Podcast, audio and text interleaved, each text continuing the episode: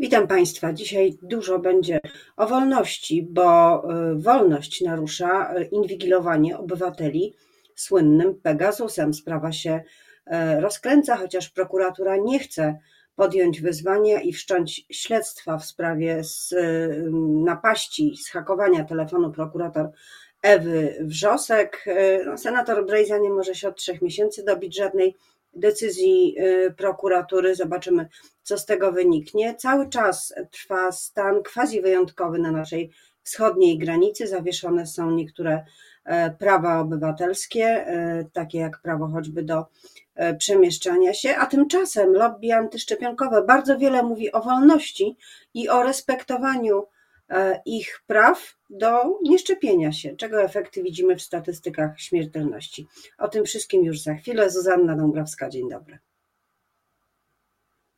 A moim gościem jest profesor Adam Bodnar, były rzecznik praw obywatelskich uczelni SWPS. Dzień dobry. E, dzień dobry pani redaktor, dzień dobry państwu. Zacznijmy od tych najświeższych doniesień na temat Pegasusa. E, bo to jest e, coś, co dość powszechnie interesuje opinię publiczną, ale wydaje mi się, że szczególnie tych, którzy mogliby być podejrzani o używanie Pegasusa i tych, którzy mogliby być przez tego Pegasusa e, inwigilowani. Czy to jest jakiś wyłom w praktyce państwa i w praktyce ochrony praw obywatelskich, prawa do prywatności chociażby? Czy to jest po prostu technologiczna konsekwencja pewnych sposobów operacyjnych na to, żeby pozyskiwać treść? E, to jest zdecydowanie jednak e, przełomowy e, moment, i tutaj się zgadzam z tymi, którzy mówią, że sprawę należy dogłębnie wyjaśnić, i być może wreszcie ta sprawa pokaże, jak ważne jest ograniczenie i kontrola nad działalnością służb specjalnych oraz innych służb, które mogą dysponować różnego rodzaju e, technologiami. W zasadzie e, e, ludzie zajmujący się prawem do prywatności, obrońcy praw człowieka od lat się dopominają w Polsce o to, abyśmy na poważnie zaczęli się tymi tematami zajmować. I być może dopiero ta afera z Pegasusem spowoduje, że rzeczywiście zastanowimy się nad tym, jak powinna wyglądać kontrola nad służbami specjalnymi. W tym przypadku nie mamy do czynienia z typowymi podsłuchami czy kontrolą operacyjną. E, tylko z używaniem oprogramowania, które no myślę, że ładnie to oddaje e, pojęcie, że jest takim oprogramowaniem szpiegowskim. To znaczy pozwala na absolutnie pełną ingerencję e, w treść danego telefonu komórkowego, wręcz na sterowanie tym telefonem komórkowym. Żałuję tylko, że o tym Pegasusie my wiemy w zasadzie od już prawie trzech lat, dwóch, trzech lat, bo wtedy się pojawiły pierwsze reportaże w czarno na białym a dopiero teraz, jak no zobaczyliśmy, no jakie mogą być konsekwencje, zaczynamy na poważnie rozmawiać. Że, że media y, TVN24 właśnie pierwsze pokazało fakturę y, na zakup, na 25 milionów na zakup tego sprzętu, bodajże trzy miesiące po, y, po dacie zakupu zaczęły się pierwsze informacje o tym, że Pegasus może być używany. Nikt nie reagował, bo nikt nie wiedział, Pana zdaniem, czy skala nie była odpowiednia, czy też cały czas można przyjąć, że to działa i lista nazwisk e, jest bardzo długa, które były poddane Pegasusowi. Znaczy, ja myślę, że z inwigilacją jest tak, że w momencie, kiedy o tym dyskutujemy na poziomie abstrakcyjnym, to nie jesteśmy w stanie uzmysłowić sobie konsekwencji, co tego typu oprogramowanie może zrobić ale także nawet nie jesteśmy w stanie sobie uświadomić tego, co i tak służby mogą robić od lat, a co też nie jest wystarczająco uregulowane, jak na przykład sprawdzanie billingów telefonicznych, czy naszej geolokalizacji. To przecież można zrobić w zasadzie bez jakichkolwiek e, konieczności zakupywania jakiegoś e, sprzętu. Ale myślę, że dopiero wtedy, kiedy widzimy ofiary, a w tym przypadku mamy te trzy konkretne e, osoby, uświadamiamy sobie, na czym to polega i jakie to jest groźne.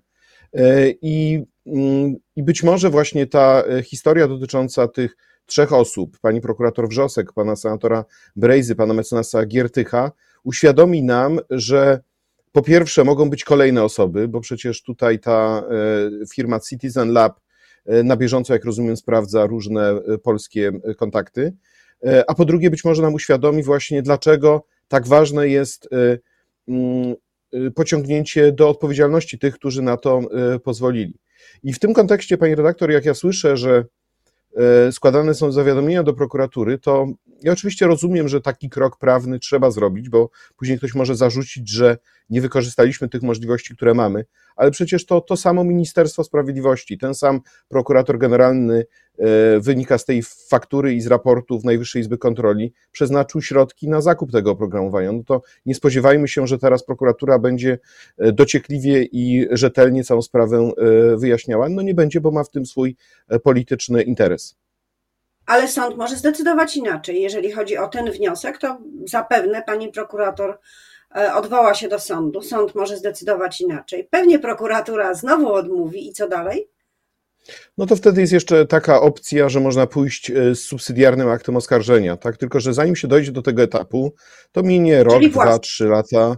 E, I tak naprawdę z punktu widzenia politycznego i z punktu widzenia takiego rzeczywistego wyjaśnienia sprawy i ochrony praw obywatelskich, to już nie ma znaczenia. No po prostu to jest jeden z tych kolejnych przykładów, kiedy upolitycznienie prokuratury pokazuje, e, jakie są konsekwencje dla obywatela, który chce e, zaangażować aparat państwa. Także, państwa. Także ja tutaj nie wierzę w skuteczność prokuratury w tej sprawie, co oczywiście nie znaczy, że nie należy tej, tej drogi wykorzystać, ale bardziej widziałbym nadzieję w tym, że za ileś lat e, to się do czegoś przyda, bądź też sprawą się zajmie e, Europejski Trybunał Praw Człowieka w Strasburgu. Co, jak wiemy, też szczególnie wielkiego wrażenia na władzy nie robi. Powiedział Pan o tej kontroli nad e, wykorzystaniem Pegasusa, a szerzej nad służbami. Czy to jest tak, że w tym roku, w roku 2021, który się właśnie kończy, my mamy do czynienia e, ze żniwami tego systemu, który przez kilka lat kadencji rządu Prawa i Sprawiedliwości był budowany, takiego systemu, w którym e, rzeczywiście większość instytucji, nie wszystkie, ale większość instytucji bezpośrednio podlega rządowi, w tym rzeczywiście wszystkie służby od od y, CBA, y, Agencji Wywiadu, y, prokuratury, co też jest ważne, bo tu jest wielka zmiana, no aż po Straż Pożarną. I, I właściwie mamy taki system, w którym państwo jest właścicielem naszych praw obywatelskich. Myślę, że coś w tym jest, że ten system faktycznie się domyka, że już e, od tego pojęcia państwo policyjne chyba niewiele nas e, dzieli, e, ponieważ w tym roku można by to nazwać, tak jak pani redaktor to ujęła, żniwa. Ja myślę, że trochę taka wręcz kumulacja w totolotku, prawda? Czyli te wszystkie rzeczy, które najgorsze, które miały się wydarzyć, w sumie się wydarzyły, a władza cały czas utrzymuje swoje poparcie i obywatele powstaje pytanie, tak, czy czekają na wybory, czy być może e, nie ma prawda, tej siły, która pozwoliłaby na, e, na zweryfikowanie tego wszystkiego, co się w Polsce dzieje. No bo tak, po pierwsze, e, wprowadzenie stanu wyjątkowego było przekroczeniem kolejnej granicy. Wcześniej przecież nie mieliśmy w ogóle w Polsce żadnego stanu wyjątkowego.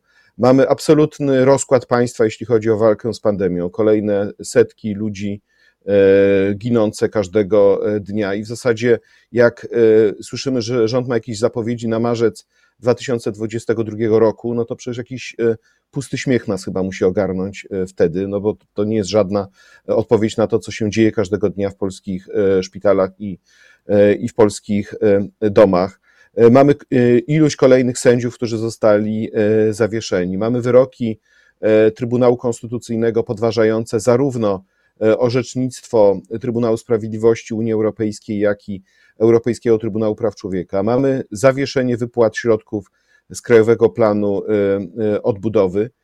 I tak można by mnożyć te różne sytuacje. Mamy jeszcze, może bym dodał, o, a skoro mówimy o różnych służbach, mamy raporty Najwyższej Izby Kontroli, które czarno na białym pokazują nadużycia państwa i władza mówi, odpowiada na to na zasadzie, przepraszam, że użyję takiego sformułowania, hold my beer, to znaczy kompletnie się tym e, e, nie przejmuje i e, no i znowu kierowane są zawiadomienia do prokuratury, a prokuratura nic poważnego z tymi sprawami nie może zrobić. Jedyne pocieszenie, jakie w tym wszystkim jest, to jest takie, że wciąż mamy jednak pewne przestrzenie pluralizmu debaty, wciąż mamy społeczeństwo obywatelskie, wciąż mamy aktywnych obywateli, którzy są gotowi sporo zaryzykować, i wciąż mamy dziennikarzy śledczych, i można powiedzieć ludzi, którzy są po prostu odważni i przyzwoici w swojej codziennej pracy w wykonywanych zawodach i to pozwala nam na to, aby być może mieć nadzieję na lepszą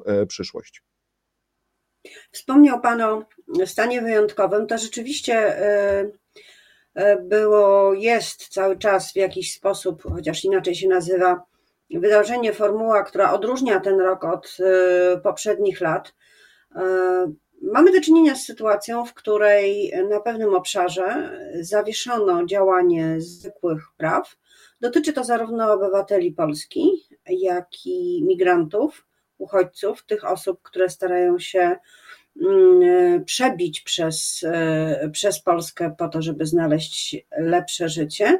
E, wobec nich nie są stosowane prawa międzynarodowe, prawo do ubiegania się o e, procedurę uchodźczą. To mogą być różne ścieżki, różne kierunki, ale jednak procedura jest procedurą. Oni wtedy są choćby znani z imienia, nazwiska, wiadomo skąd pochodzą, kim są, może być im udzielona pomoc. To prawo zostało złamane. A teraz jeszcze do tego, po mm, dozwolonym konstytucją okresie obowiązywania stanu wojennego, mamy specustawę, która po prostu w inny sposób wprowadza te same, a może nawet bardziej staranne ograniczenia. Jak można całą tę sytuację e, opisać prawnie? Jakby Pan to nazwał, co się wydarzyło na wschodniej granicy, pod kątem prawa i, i regulacji?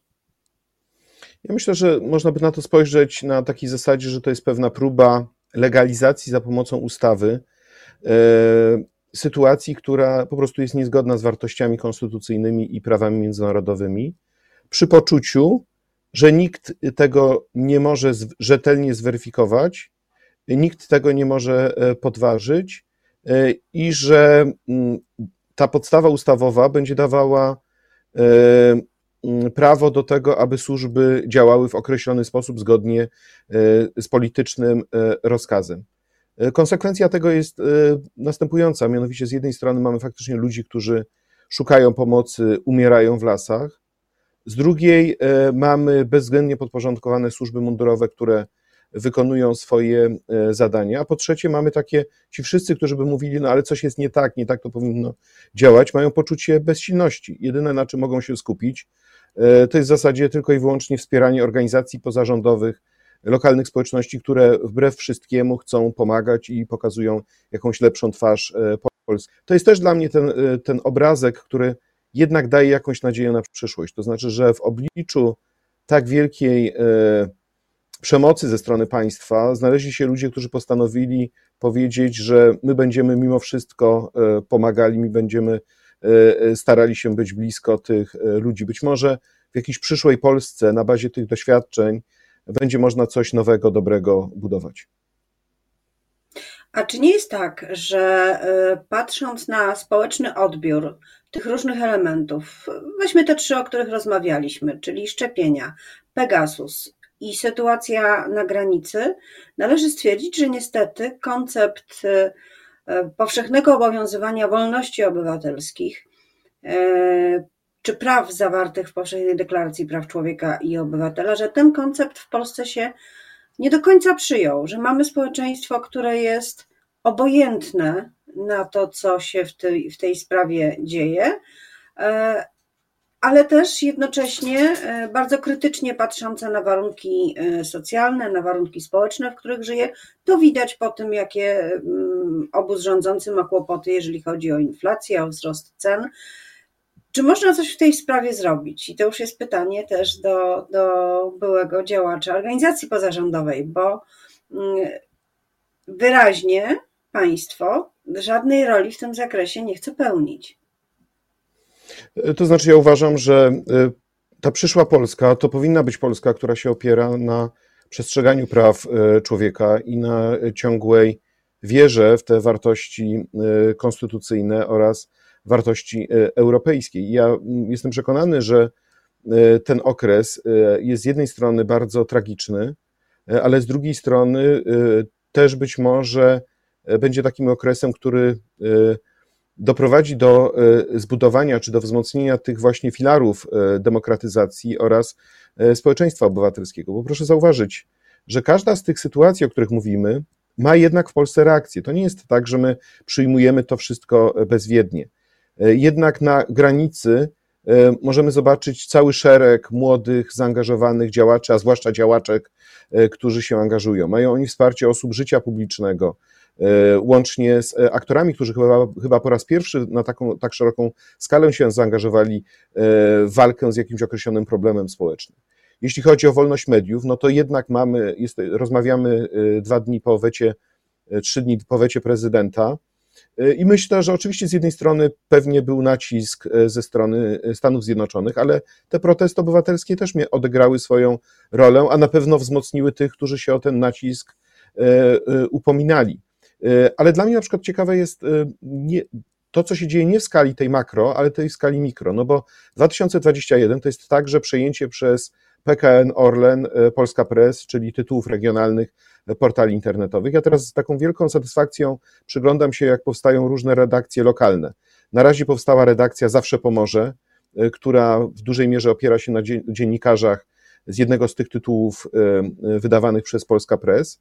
E, czy też powstaje właśnie portal informacyjny na, na Śląsku. Być może pod koniec 2022 roku e, zobaczymy, że w każdym województwie powstanie właśnie jakiś nowy e, tytuł, czyli w pewnym sensie ta wiara w wolność, wolność słowa wypełni te takie szczeliny, które zaczęły powstawać. Jeszcze może dodam do tego sędziów. Przecież ta walka o praworządność dawno już byłaby przegrana, gdyby nie adwokaci, gdyby nie e, sędziowie, gdyby nie także tacy prokuratorzy jak prokurator Parchimowicz, czy także pani prokurator Wrzosek, przecież ona nie jest inwigilowana e, tylko i wyłącznie za to, że jest krytyczna, tylko ze względu na to, że jest po prostu odważna i, i niezależna. Ale właśnie ze względu na taką presję ze środowisk prawniczych, te kolejne sprawy przed Trybunałem Sprawiedliwości Unii Europejskiej są wygrywane. Komisja podejmuje dalsze działania, bo wie, że są ludzie w Polsce, którym zależy na demokracji i, i praworządności. Także myślę, że ta, e, że ta siła taka z jednej strony rewolucyjna, e, takiej pełzającej rewolucji dokonywanej przez e, partię rządzącą, powoduje jednak pewną reakcję, reakcję społeczną, która w wielu różnych obszarach naszego życia społecznego się e, pojawia i pokazuje, że inna Polska jest e, możliwa. A czy długo można ignorować e, orzeczenia unijnych trybunałów, które z jednej strony dotyczą spraw takich jak Turów, czyli naruszania praw nie obywateli polskich, ale obywateli Unii Europejskiej też, z powództwa Czech. I wszystkich innych spraw, które przed Trybunałem Sprawiedliwości się, e, się toczą, które Polska przegrywa. I czy to jest y, polityka, która może doprowadzić do czegoś jeszcze, bo mówi się o wstrzymaniu funduszu, rzeczywiście część jest wstrzymana, ale chyba poza tym wiele więcej zrobić nie można ta kontrola y, europejska y, ma swoje bardzo mocne ograniczenia. No to, tym ograniczeniem jest chyba po prostu granica kraju. Y, to są oczywiście te ograniczenia i ja myślę, że poruszamy się w takiej przestrzeni, która jest bardzo trudna do opisania z punktu widzenia e, prawnego, także politycznego, bo to jest zarówno nieznane terytorium dla prawników, e, jak i dla polityków. Oni nigdy się nie mierzyli z taką sytuacją, w której ktoś w tak otwarty sposób podważa e, obowiązywanie prawa e, unijnego, w sposób tak, można powiedzieć, bezwzględny, wręcz momentami e, cyniczny, a Unia Europejska na bieżąco stara się poszukiwać instrumentów reakcji, zdając sobie sprawę z tego, że jednak wszystkim zależy na tym, żeby Polska tym państwem członkowskim w Unii Europejskiej pozostała, chociażby właśnie ze względu na to, o czym pani redaktor powiedziała, e, granice. I myślę, że dojdzie prędzej czy później do jakiegoś e, przesilenia e, politycznego.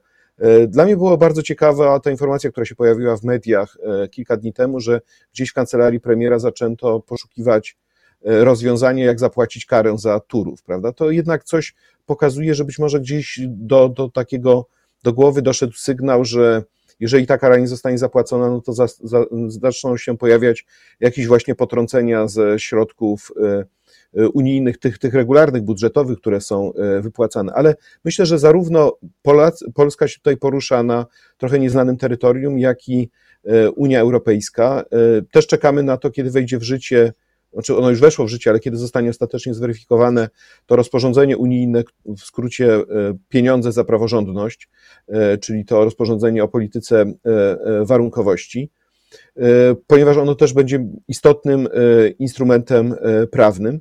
Natomiast no, musimy sobie zdawać sprawę z tego, że w Polsce te wszystkie decyzje polityczne są w dużej mierze zawieszone na, mm, na takiej, a nie innej konstrukcji obozu Zjednoczonej e, Prawicy. Czyli tak naprawdę ta decyzja y, o tym, y, czy wykonać wyroki, czy też nie, to nie jest decyzja, czy Unię lubimy, czy chcemy być w Unii, czy nie, czy też czy to jest raczej decyzja, czy chcemy być dalej u władzy, czy chcemy poddać rząd i ogłosić przedterminowe wybory, no bo przecież y, y, doskonale wiemy, że y, minister sprawiedliwości wykorzystuje swoją pozycję polityczną do swoistego szantażu wewnątrz obozu władzy.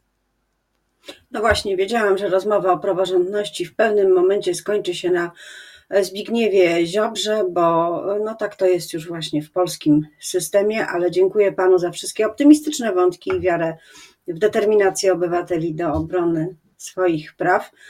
Do zobaczenia pewnie w następnym roku, może będzie lepszy dla praw człowieka. Dziękuję bardzo za tę rozmowę. Dziękuję bardzo. Ja przede wszystkim chciałbym życzyć, żeby to był dobry rok dla dziennikarzy i dla wolności słowa, dla e, wolności e, mediów, także dla redakcji Rzeczpospolitej, bo mam wrażenie, że ten kolejny rok będzie taki, mam wrażenie, e, mniej dynamiczny dla Waszej redakcji i z tego też się bardzo cieszę. Bardzo dziękujemy za życzenia. Będziemy się o to starać. Moim gościem był profesor Adam Bodnar z WPS, były rzecznik praw człowieka. Wszystkiego najlepszego w nowym roku.